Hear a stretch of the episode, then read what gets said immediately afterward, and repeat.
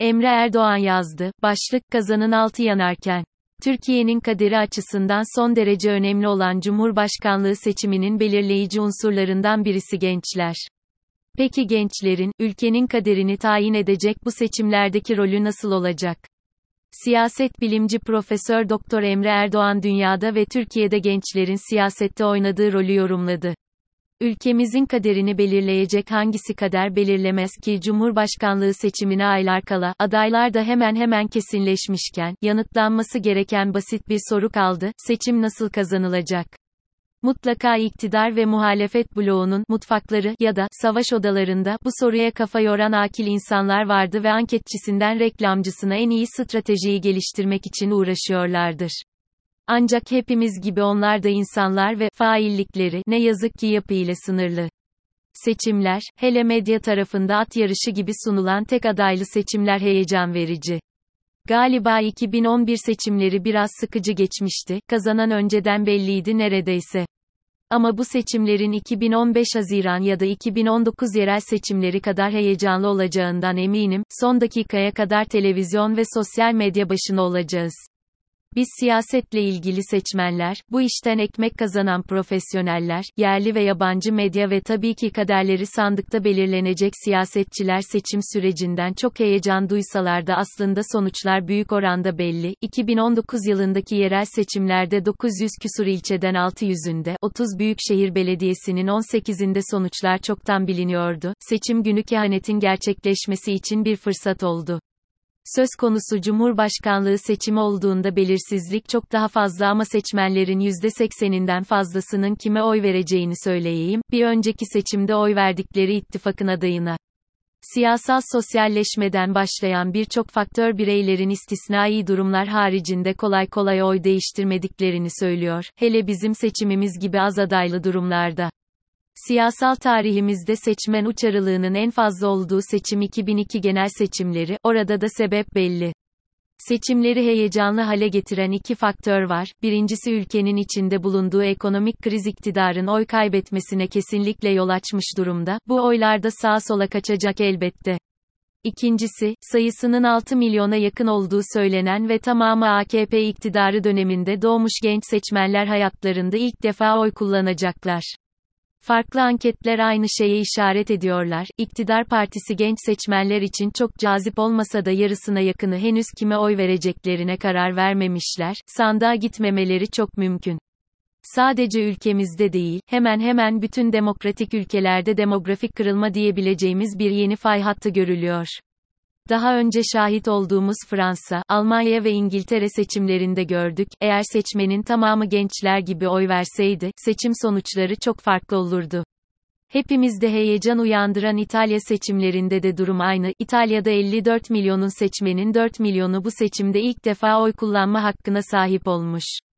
Pazar günü yapılan seçimlere katılım sadece %64 oldu gençlerde %60'ın altında olduğu tahmin ediliyor ve seçimi postfaşist ya da popülist bir parti, İtalya'nın sadece kardeşleri, %26 oy ile kazandı. O gün yapılan sandık çıkış anketleri bu partinin oy oranının 18 ila 24 yaş dilimindeki gençlerde sadece %20 olduğunu gösteriyor. Yine merkez partilerden Demokratik Parti'nin genelde oy oranı %19 iken, gençlerde %16. Buna karşılık %4 oy alan, daha fazla Avrupa Partisi'ne gençlere %8 oranında teveccüh göstermişler. Bölgeci Parti Lega Nord ve Berlusconi'nin partisine de istatistiksel hata payı içerisinde daha fazla oy verdikleri de görülüyor. Ülkenin içinde bulunduğu ekonomik durum bayağı açıklayıcı, genç işsizliği %31 oranında ve ekonomik büyüme öngörüsü sadece %1,2. Yoksul hanelerin oranı %8'e ulaşmış ve bir dipnot, 18 ila 34 yaşındaki genç İtalyan erkeklerinin dörtte üçü aileleriyle yaşıyor. Böyle bir durumda, gençler siyasetten soğumasında ne yapsınlar? Önümüzdeki seçimlerde benzer bir durum bizde de gözlenebilir mi? Ülkemizde genç işsizliği %21, İtalya'ya göre düşük sayılır. Ancak biz tanımı, ne eğitimde ne istihdamdaki gençler olarak tanımlarsak bu oran %30'a yaklaşıyor, bu oran kadınlar arasında %32. Anket çalışmaları gençlerin mutsuz ve umutsuz olduğunu zaten söylemekteydi. Nokta. Habitat Derneği'nin düzenli olarak yaptığı Gençlerin İyi Olma Hali araştırması, kentlerde yaşayan 18 ila 29 yaş dilimindeki gençlerin sadece yarısının kendisini mutlu olarak tanımladığını gösteriyor. Bu oran 2017'de %70'ti.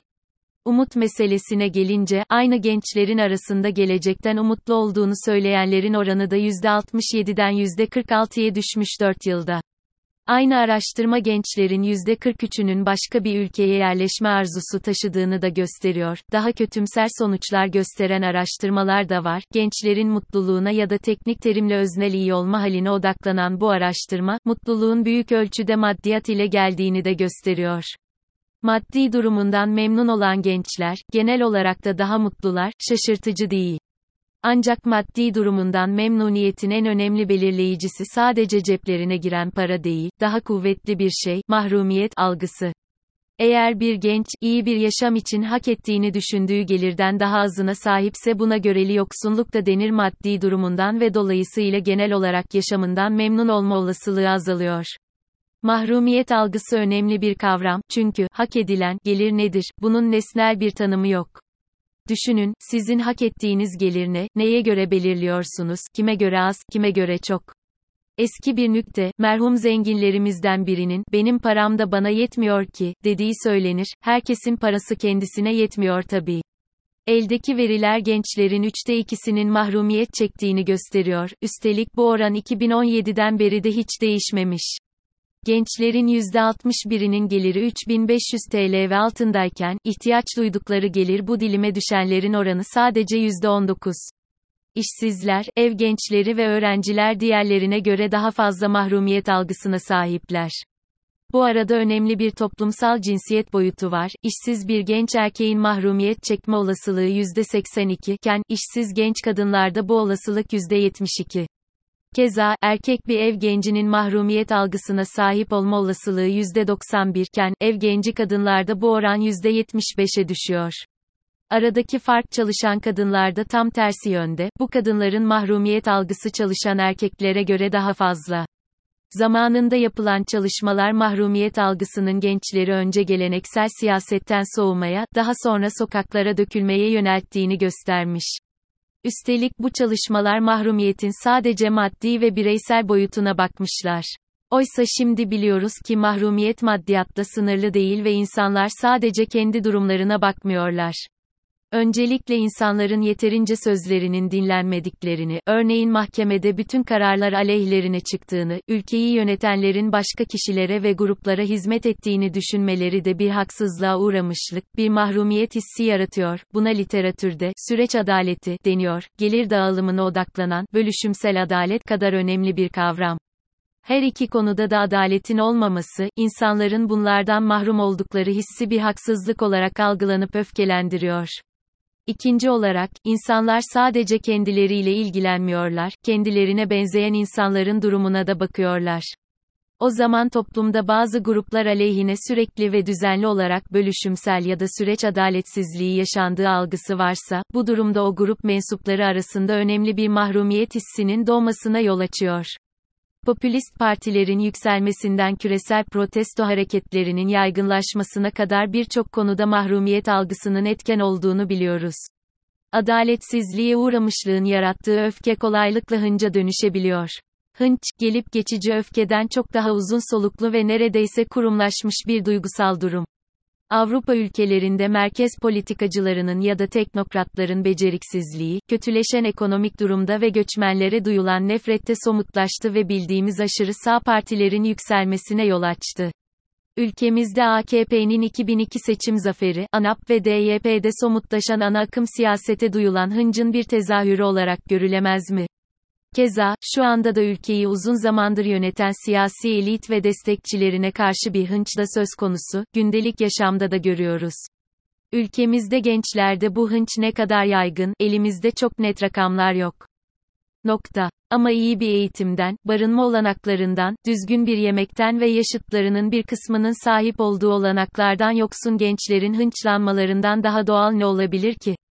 Keza ülke kültürü gereği sürekli sözü büyüklerine bırakmış, kaderini belirlemede bir figürandan öteye rol tanınmamış, her zaman eksik insan olarak görülüp yasaklarla, dayatmalarla ve hatta şiddetle karşılaşmış gençlerin hınçlanmamaları şaşırtıcı olurdu. Sadece yapılıp iptal edilen sınavlar bile, bilenmek için yeterli değil mi? Önemli sorun, bu hınç duygusunun nasıl giderileceği. Gençlerine güvence veren, yaşamın risklerine karşı bir güvenlik ağı sağlayan, hak ettiklerine zorlanmadan erişebilmesini sağlayan, bölüşümsel ve süreç adaletine önem veren bir siyasal sistem bunu başarabilir, eğer kurulabilirse. Daha az önemli sorun, bu kadar mutsuz, umutsuz, mahrumiyet içinde ve öfkeli gençlerin önümüzdeki seçimde ne yapacakları. Başta da söyledik, kayda değer bir kısmı ebeveynleri gibi oy verecekler, iktidar bloğu bir mucize yaratmazsa genel kitlede gördüğünden daha az muhabbet görecek. Geri kalanlar da muhalefete, amcalarına mı yönelecekler yoksa Avrupalı akranları gibi o güzel güneşli Mayıs gününü piknikte, yüzlerinde müstehzi bir gülümsemeyle mi geçirecekler? Mesele bu. Hemen, pederşahi, bir role bürünüp gençlere oy vermenin kutsal bir görev olduğu vaazına geçmeyelim, zaten herkesin onlara öğüt vermesinden gına getirmiş durumdalar. Amcalık, ablalık da taslamayalım, geleceklerinin nasıl olmasına dair fikirleri hepimiz kadar var ve en fazla bizim kadar yanılabilirler. Gençleri her ne kadar kendi içlerinde uzlaşmaz farklılıklar taşısalar da kendi kaderlerinin efendisi olmaya davet etmek bir çare olur. O zaman da iletişimin işteş bir fiil olduğunu, dinlemeyi gerektirdiğini ve TikTok videosu çekmekten daha sahici bir iletişim kurmaya ihtiyaç olduğunu kabul etmemiz gerekiyor. Bu da muhtemel bazı koltukların boşaltılmasını gerektirir, o başka.